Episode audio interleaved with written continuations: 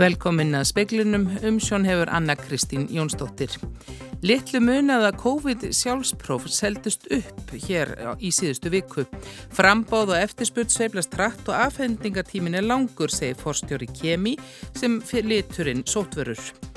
Ríkistjórnin tekur stöðuna í faraldrinum ekki alvarlega mati stjórnar andstöðunar sem segir fjárveru fjármálaráð þeirra bera því vittni. Að minnstakosti 12 létust í jarðskjálta í vesturluta Afganistans í dag. Skjáltin var 5,3 að stærð og fannst í nokkrum nágrannlöndum. Og breytingar á kostningalögum fylgja það í sér að framvegs verði leifilegt að hafa færanlega kjörstaði. Profesor í stjórnmálafræði vonar að það auki kjörsokn jaðarsettra og yngri kjósenda. Það er ekki hægt að útiloka að byrgjar hérlandi verði uppiskroppa með farsóttarvörur eins og grímur, hanska, hlýðarbúnað og sjálfspróf. Framleðendur eru flestir í Asíu og afhendingartímin er tveir til þrýr mánuðir. Littlu munaði að heimapróf seldust upp hér í síðustu viku. Herman Guðmundsson er fórstjóri Kemi sem flytur inn hlýðarfatnað andlitskrimur heimapróf, ennóta hanska og spritt fyrir almenning og öndunarbúnað og fleira fyrir spítala. Í byrjun ás fór að gæta á vöruskorti hjá byrgjum heilsulunar í Evrópu sem hafði áhrif á frambóðið hér. Mm. Og Ísland var nánast prófalaust um tíma núna bara í janúar en okkur hefur tekið svona hanga með, með lítinn lager og, og selja svona hjátt og hjátt sem kemur inn. Hann segir að megnið af COVID-tengdum vörum sé framleitt í Asju. Þegar eftirspurnin markvaldast á skömmum tíma, eins og nú hefur gerst, haldi vöruhús og heiltsalar í Evrópu ekki í við eftirspurnina. Þannig að sendingar sem er á leiðinni, þær taka 60-90 daga að berast og menn verða bara vörulösir og svo geta þeir bara beðið því að það er, hérna, það er engin önnu leið, fær. Frambóð á sóttvarnavörum gæti þó tekið snöggum breytingum þegar slakað er á takmörkunum í fjölmennum ríkjum. Einhver merkir um að omikronbylgjan sé nú á niðurleið sumstaðar og þá snögg breytast möguleikar á byrðarstöðu heilsalana hér á landi. Þannig að svona ég hef spáð í að við verðum einhvern veginn í þessu fram að páskum. En þú heldur ekki að komi hreinlega eitthvað svona eður inn í þetta þannig að það verður bara hreinlega ekki fáanlegar? Jú, það gæti alveg gæst. Það gæti gæst? Það gæti alveg gæst, já, já og það er ekkit langt síðan að ég þurfti að fara til Kanada til þess að kaupa grímur vegna þess að okkar byrjar í Európu orðnir tómir. Heimurinn er allur svolítið í sömu vandraðanum að hérna, framleiðendur eru fáir og þeir eru flestir í Así og aðfangukjæðin er laung þannig að það tekur langan tíma ef þú verður vörulegs að fylla aftur í pípunar. Saði Herman Guðmundsson, Marja Sigrún Hilmarsdóttir talaði við hann. Þingmenn stjórnarandstöðunar gaggrindu fjárveru Bjarnar Bendiktssonar fjármálaráð þeirra á fyrsta þingfundi ársins í dag. Þeir sögðu ríkistjórn tæki stöðun ekki alvarlega. Bjarni er erlendis og mælti Þórtís Kolbrún Reykjörg Gilvadóttir utarrikisráð þeirra fyrir máli sem snýra framlengingu lánalínu fyrir ímsa rekstaráðila vegna alvarlegra stöðu þeirra í faraldurinn.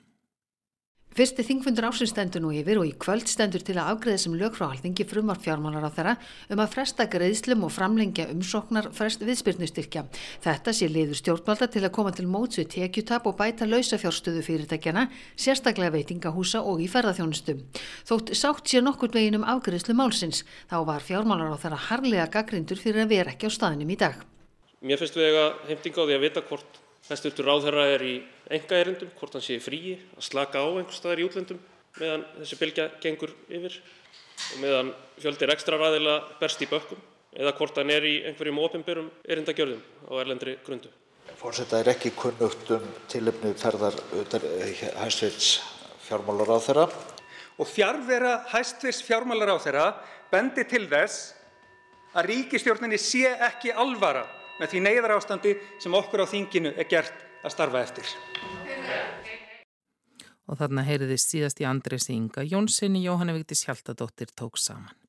Aðeins 487 íbúðir voru til sölu á höfuborgarsvæðinu fyrstu vikuna í januar en fyrir tveimur árum voru það 2200. Þrátt fyrir hækkun stýrivaksta er greiðslubyrðin og lægri en hún var fyrir þreimur árum. Meira en helmingur af íbúðum sem eru til sölu eru fjögura herbergi eða starri og frambótrekk saman á minna húsnæði. Á einu mánuði fækkaði íbúðum á sölu og höfuborgarsæðinu um 20%. Skýringin er bara umfallega svo að það er bara rosalega mikil eftirspurn og frambóðin er ekki halda yfir. Það er, stýrivextir eru ennþá sögulega lágir, þrátt fyrir hækkun öndafarta mánuði og frá senasta vori en ef þú ert að kaupa ykkur svona bara random íbúð í dag, þá ertu líklega með lærði greiðsluförði í dag heldur þú hafður verið með 2018. Segir Kári S. Freyrisson hagfræðingur í að húsnæðis og mannvirkjastofnun. Hlutfall overtreyrar lána heldur áfram að aukast en greiðslubyrðin hefur hækkað um rúm 13% á skömmum tíma. Núna er greiðslubyrðin cirka 42.000 krónur á hverja 10 miljónur sem er teknur á láni, svona á sem ódrifstu lánum og voru 35.000 þegar að lægst var. 2018 var það í kringum 50-55.000. Þannig að þessar lækkanir, þessar stýrjákstahækkanir eru samt það litlar að uh, greiðslubyrðin er lærði í en var þá. Það veikur aðteglið að tæplega 44% íbúða seldust yfir ásættu verði. Og það sýnir bara hvað er gríðala mikil eftirspurn. Kári segir að kannski sé eina af skýringunum að fólk vinni meira heima vegna koronaveri faraldursins. Meirin 10% íbúða fer á yfir 5% yfir ásættverð og það er eitthvað sem að valla týrkaðist áður. Saði Kári Fridriksson, Arnar Björnsson tók saman. Að minnstakosti 12 létust og nokkri slösuðust þegar jarðskjálti reyði yfir í vestur hluta Afganistans í dag. Skjáltin var 5,3 stærð og fannst víða þar á meðal í Pakistan og Tatsikistan. AFP fréttastofan hefur eftir Muhammed Saleh Purdel hérastjóra í vestur hluta landsins að umdæmið Katis hafi orðið verst úti.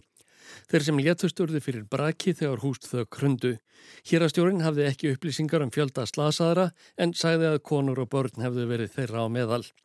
Skjáltinn bætist ofan á erfiðleika margra sem búa við örbyrð sem mjög hefur aukist eftir að talibanar tóku völdin í landinu í ágúst síðasliðnum. Ástandið í Katis hefur verið afar slemtað undan förnum vegna þurka. Þá hafa íbúarnir fengið sára lítinn skerf af mannúðaraðstóð alþjóðastofnana og fyrirtækja sem afgönnum hefur borist undan farin 20 ár. Jarskjáltar eru allt tíðir í Afganistan sem er á skilum Indlands og Evrasíu flekana. Alla jafna verður þar nokkur tjón þar sem fátækt er mikil í landinu og hús illa byggð. Árið 2015 létust 280 manns þegar skjálti af stærðinu 7,5 reyði yfir heimslutan. Þeirra á meðal voru 12 námsmegar sem tróðust undir þegar nefendur reyndu að flýja út úr skóla þeirra. Ásker Tómasson saði frá.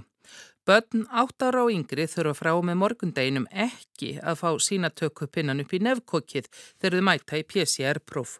Strók úr kokiðamunni verður tekið í staðin.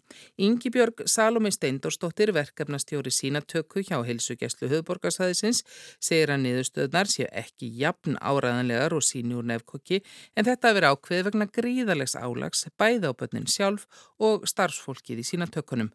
Langar raðir badna yngre en áttára hafa verið verið í sína tökur undaförnu og í nokkra daga í rauð hafa þau verið á bylnu 800 til 1000. Berja var að bólusetja fimmóra börn á höfuborgarsæðinu Lögadalshöll í dag.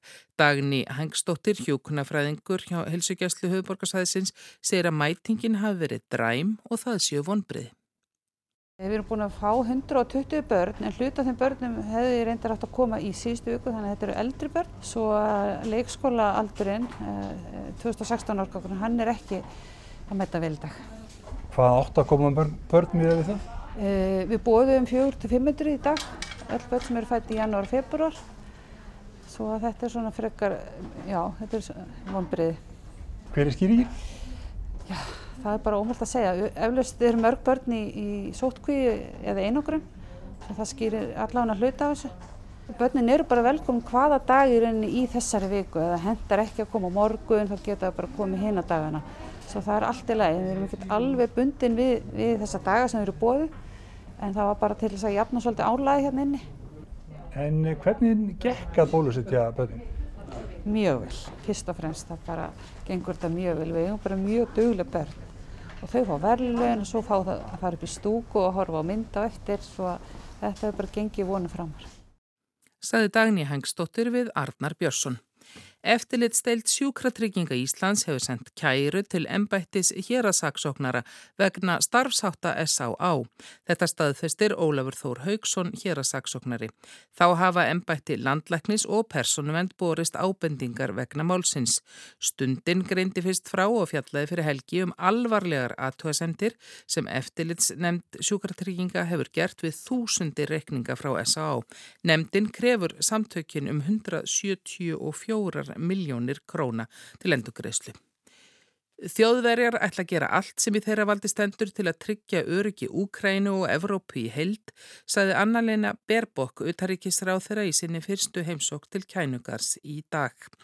Hún sagði að leysa yrði Úkrænu deilina eftir diplomatískum leiðum. Frá Úkræni heldur Berbokk til Moskvu og ræðir við Sergei Lavrov utaríkisráð þeirra rússa.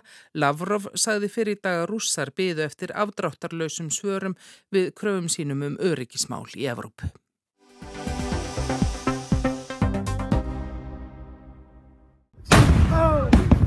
Enn er ekki fulljóst hvað gerðist og hver mikill var kraftur niðansjávar eldgoss sem varð á eiginum Hungatonga og Hungahapi um helgina, segir Pál Einarsson jarðeðlisfræðingur.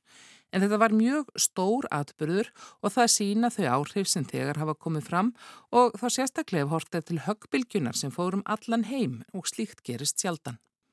Pál segir erfitt að umreikna afl gossins yfir einhverja stærð. Reyndar séu allir stærðar hvarðar eldgossaða dálítið óvissir og hvað eigi þá helst að metta. Oftast er nú reynd að fara eftir því rúmáli sem kemur upp og um það vitum við nú í sjálfur sér ekki voðalega mikið í, í þessu tilfelli. Það er ekki búið að reyna að metta það en þá. En ef að metið er eftir hæð gósmakkarins, það er líka mælikværi sem er ótt notað til þess að meta stærð gos því að þá er þetta, er þetta í flokki stóra gosa.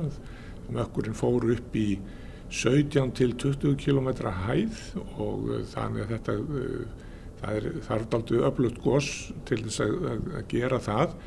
Uh, þetta þarf hins vegar ekki að þýða það sami eins og stærðin á gosinu eða rúmálið af því sem kemur upp. Þetta er fyrst og fremst mælikvarði á aflið í gosinu, hvað mikið á orku losnar á tímaeiningu og samkvæmt því að var þetta aflmikið góðs til þess að byrja með en þá eftir að koma í ljós hversu, hversu rúmmálsmikið það er. Gósið varð við eigjar langt út í Kirrahafi, þúsundir kílometra að næstu megin löndum og erfitt að meta fréttum hver virknin er nú. Höfuðborg Tonga lendi eiginlega undir sveppnum sem myndaðist í góstróknum segi Páll. Fjarskiptið rofnuðu þannig að gerfitunglamyndir gefa enn glegstu myndina og kvellurinn heyrðist jú um langan veg. Þessi þrýstingsbylgja sem kom í andrunsloftinu, hún mælist um allan heim og það er nú ekki oft sem það hefur gæst, það er nú frækt dæmið frá, frá uh, Krakatá. Það gerðist mjög svipaður atbyrður þar 1883 og svo bylgja heyrðist um, um allan heim og fór nokkra umferðir um, um kringum verðina reyndar og uh, það, hef, það með hefur nú ekki verið jafna held ég en þá en, en En þetta er atbyrður af, af, af svipuðu tægi, það er að segja það er, það er neðansjávar eldfjall sem, sem gís, eh, reyndar eh, nálat yfirborðið sjávar og uh, eldfjall að svipaður í gerð eins og, eins og, eins og þetta og atbyrðurinn er að mörguleiti svolítið svipaður og, og þrýstingsbylgjan í andrumslottinu, hún er, hún er sambærileg all, allavega. Eh, þessi bylgja er eh, náttúrulega hljóðbylgja, eh, svipað eins og svona skjáltabilgjur er nú yfirleitt, en þessi er í andrúnsloftinu, hún fer þessum tildurlega hægt yfir, mikla hægar heldur um bylgjunar í jarðskorpunni sem fara miklu raðar, og, en þessi hún fer sem sé í andrúnsloftinu og, og partur af henni er alla, allavega kemur fram í sem bylgjur reyfing á, á yfirborði andrúnsloftsins, það er að segja þar sem að lofthjúpurinn mætir geimnum í, í raun og veru þannig að þetta verður svo bylgjurreyfing í, í hafi nema þetta er, er lofthjúpurinn sem að, sem að hérna, bregst svona við. Og uh, þetta geta mann séð reyndar á gerfitunglamyndunum sem eru til af, af þessum atbyrði núna. Það er að sjá þrýstingsbylgjuna hvernig hún best út frá, frá uh, gósmekkinum Gósvirkni hefur verið tölverð þarna frá því í desember, svo kemur þetta feikilega sprengigós.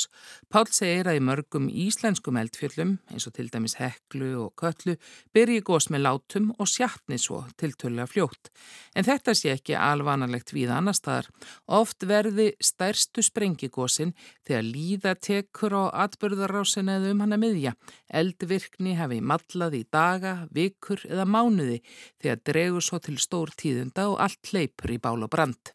Það var komin upp eiga þarna á svæðinu, eiga sem er endar brúaði bílið á milli tveggja eiga sem voru fyrir og þess vegna er nafnið á, á þessu svona langt og, og, og, og erfitt að muna að það er í raun og veru nafn á tveimur eigum sem er skeitt saman með bandstriki og vegna þess að, að menn gáttu ekki gert upp við, við hvora eigin átt að kenna þetta. En allavega þrið, þriðja eigin kom upp við svona eldvirkni sem var ekki dósipuð eins og var í Surtsey, það myndaðist þetta nýja eiga og, og öskugós, talsveit öskugós e, og svo síðan mallar þetta áfram og svo skindilega verður þessi sprenging, þessi gríðarlega sprenging. Og, og enn eru menn nú ekki alveg búin að sjá hvernig landslægi er á eftir en það er litla sem hefur sést bendir til þess að þessi þriðja eiga og hún hafi horfið sprungið burtu eða hrunið. Eiginnar eru aftur átna tvær setja þann eftir, það eru gamla eiginnar tvær. Þessar eigjar setja allar á öskjubrún gríðarlegs eldfjall sem setur hérna á hafsbótni og næri upp undir yfirborð. Í toppið þessara, þessara eldstöðar er askja um 6 km í þvermál og að minnst 400 metra djúb þannig að það er greiðalegt landslag þarna í nákvæmni við eigarnar. Eigarnar eru raun og veru öskjubrúnin að þessari öskju sem stendur, stendur upp úr alveg þetta til. Og þar eru helstu grinningarna þarna en það er djúb hóla inn á milli eigarna sem að, og mikið landslag þannig að e, það kann að spila inn í hvers vegna var til þetta stór flóðbylgja þannig að er eitt sem er svolítið döla fullt við þetta, þessa sprengingu að hún hleypur að stað flóðbylgju sem fór síðan yfir í allt Kirrahafið og skalla á ströndunum allt í kring. En hún er ekki gríðarlega stórnitt en, en allavega hún miða við eldgós þá, þá er hún það. Og enn er það ekki, ekki ljósins í hvað það var sem kom henni á stað. Það er ímsi möguleikar í stöðinni. Eitt er að askjan hafi dotti niður um einhverja metra og það hafi leift bylgjun á stað. Það er kannski svolítið erfitt að koma þeirri bylgi út fyrir öskjuna og fá hana til þess að fara yfir allt kyrrahafið. En e, það kann líka vera að eldstöðin, þessi þriðja eiga sem nú var horfinn, hún hafi hrunið onni öskjuna og það hefur komið bylgjun á stað. Það er annar möguleiki og þriðji möguleikin er að gósmökkurinn, þessi stólpi af ösku sem stóð 20 km upp í loftið, að hann hafi hrunið nýður eftir þegar fór að línast gósið og þá dettur svona mökkur gætna niður, hann verður allt í einu þingri heldur en andrúrslótti í kring þegar hann kólnar og þá er það þekkt fyrir brið og það er hættulegast ef lett í þessum gósum að þá þegar þessi, þessi mökkur hrinu niður á sjálfan sig og hann hafi þá í þessu tilfelli dotti niður á sjáaflötinu og, og búið til þessa bylgu. Gósmökkurinn sem reys 10 km upp í loftið gæti hann haft áhrif á loftslag og hitastig. Það er þekkt að eldgós sem að býr til svona háan strók, þau valda áhrifum alveg upp í efstu lög lofthjúpsins og sérstaklega ef þau bera mikið af, af, af brennistins samböndum þangað upp. Brennisteinn er mjög hérna, hérna, mikil gróðurhúsaloft tegund, hérna, brennistins dióksíð og uh, það hefur þessan áhrif á geyslun sólarinnar e, og, og útgeyslun hérðar og það kann að valda, valda sinns velum áhrifum á, á lofslægi og, og ástandi lofthjúpsins almennt. Og þetta er þekkt í, í þessum stærstu eldgósum, menn vitna gætan til gósins á Filipsheim 1991, Pinatubo eldfjallinu, þar Þar gerðist svona gríðaleg sprenging og, og uh, þá fór mikið magna af, af brennistein upp í heikvolfið. Og það e, hafði áhrif, mælanleg áhrif á lofthjúpin og, og loftslægið meðal hýta jarðarinnar eftir, eftir þetta til kælingar og, og það, það er náttúrulega fyrsta sem mannur dettur í hugsambandi við þetta gos. Fyrstu mælingar sem eru nú rétt að koma inn verið að spenda til þess að brennistismagni sé ekki mjög mikið og það eru, það eru mælingar úr gerfitunglum sem að, sem að sína það og Þannig að vonin er að, að áhrifin á loft, loftslagi verði ekki mikil frá, frá þessu gósi. En e, það á, eiga örglega mörg kurl eftir að koma til grafar hér og, og, og, og þannig að það á, við hefum örglega eftir að læra mikið á næstu vikum.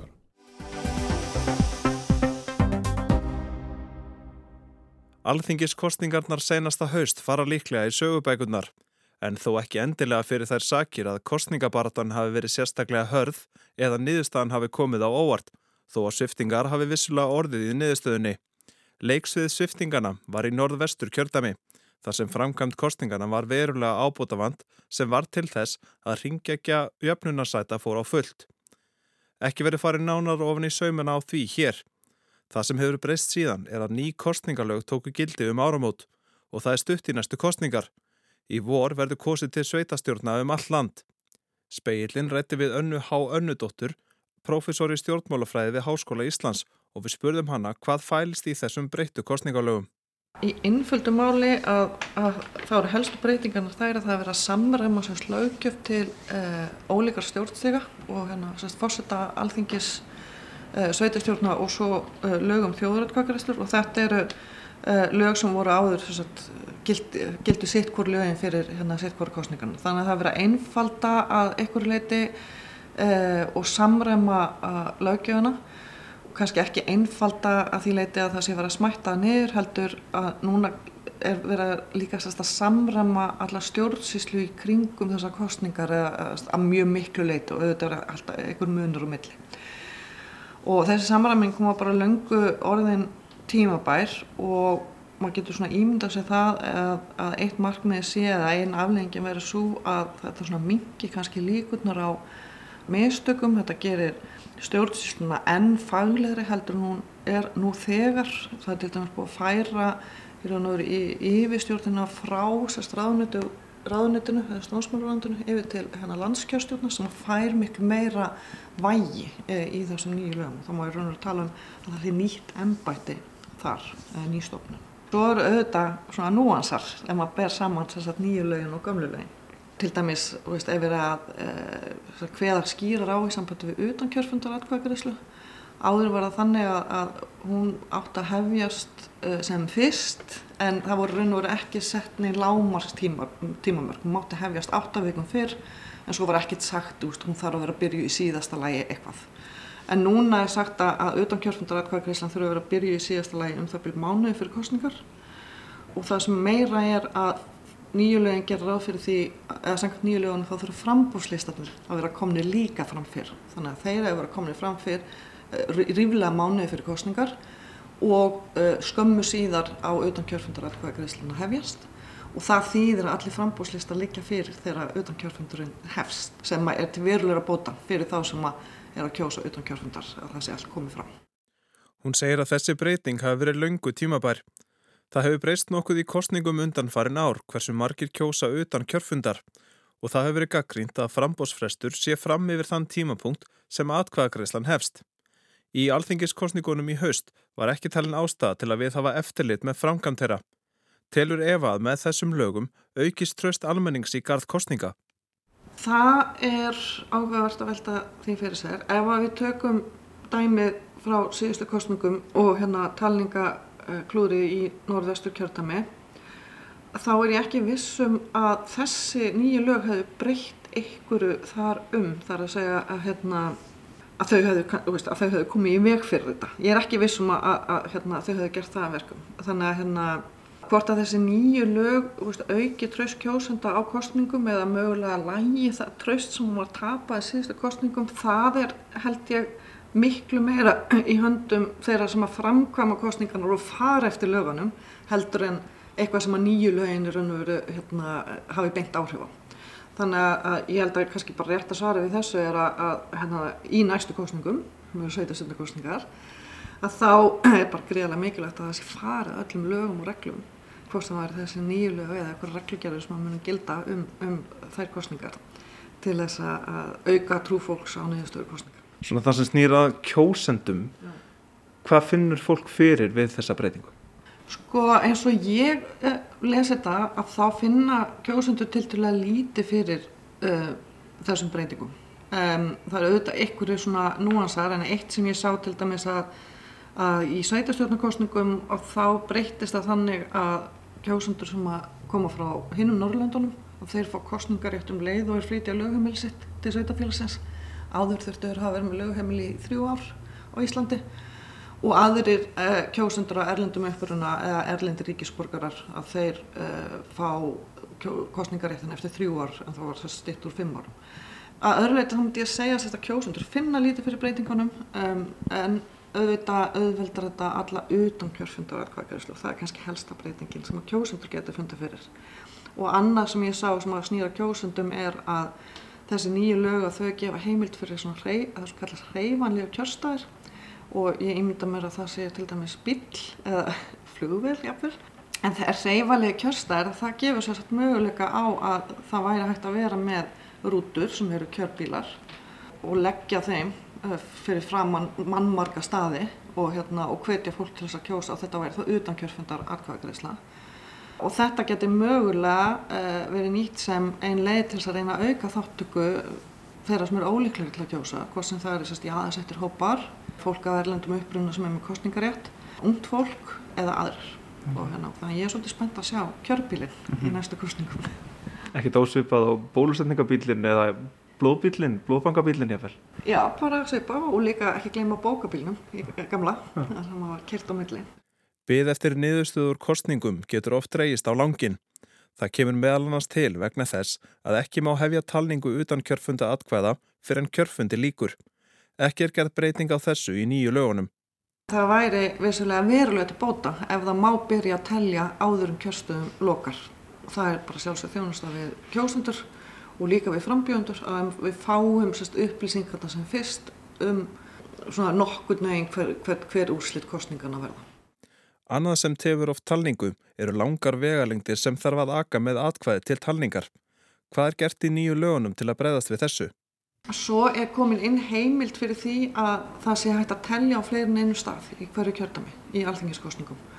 Það er að segja að það er hægt að hafa tvær umdæmis kjörstjórnir og það þýðir, það væri verulegt bóta þannig að það þurfi ekki að vera að keira atkvæðin hérna frá hotnaferði, vestmanniðum og, og, hérna, og reykjanisbæ allar, allar á eitt stað, veist, það tefur alla talninguna. Þannig að ég vona bara að þetta verði nýtt í næstu hérna alþengiskostningum að hérna, telja á fleiri stöðum. Mm.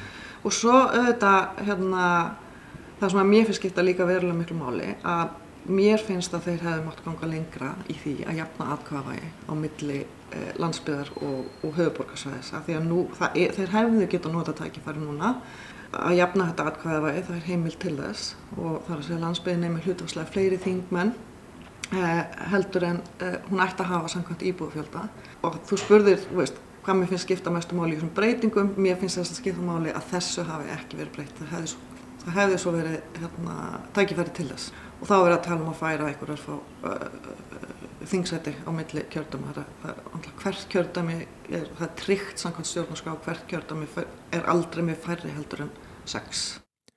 Svo breyting er gerð frá fyrir lögum að ekki er eins rík krafa um fjölda á frambóðslistum Áður fyrir var gerð krafa um að á frambúslista skuli vera nöpp tvöfall fleiri frambjöðenda en nefnur þingsætum í kjördaminu, gorki fleiri, nýja færri. En í nýju lögunum er ákveðið svigurum veitt til þess að hafa færri á lista. Nú segir að á frambúslista skuli vera að minnstakosti jafn mörg nöfn frambjöðenda og kjósa á í hvert skipti. En hvað finnst Efu heyra helst til tíðenda kakvart frambjöðendum? Þá held ég að það sé kannski helsta að þau þurfa að hafa í huga að frambúin þurfa að vera komið fram fyrr heldur en áður. Sankant nýju lögunum rennur frambúsfrestur út mánuði fyrir kostningar en var áður tveimur vikum fyrir kjördag. Bjarni Rúnarsson tók saman og talaði við Efu Há Önnudóttur. Það er gul veðurviðvörn í gildi á breyðafyrði, vestfjörðum, ströndum, Norðurlandi vestra og Norðurlandi eistra fram á kvöld, spáð talsverðri rigningu vestanlands með hlínandi veðri og búast má við auknu afrensli og leysingum, krabhaflóðum, vassflóðum og skriðum á vestan og norðanverðu landinu. Vegagerðin var að við asa hláku og það er hálft víða á vegum. En annars verður minkandi vestlægátt með skúrum eða jæljum á morgun, snýst í norðanátt og bætir jél norðan til setnibartin. Veður fyrir þá kólnandi og verður hitjum frostmark um kvöldið. Fleiri ekki speiklinum í kvöld, tæknimaður var Mark Eldrett veriði sæl.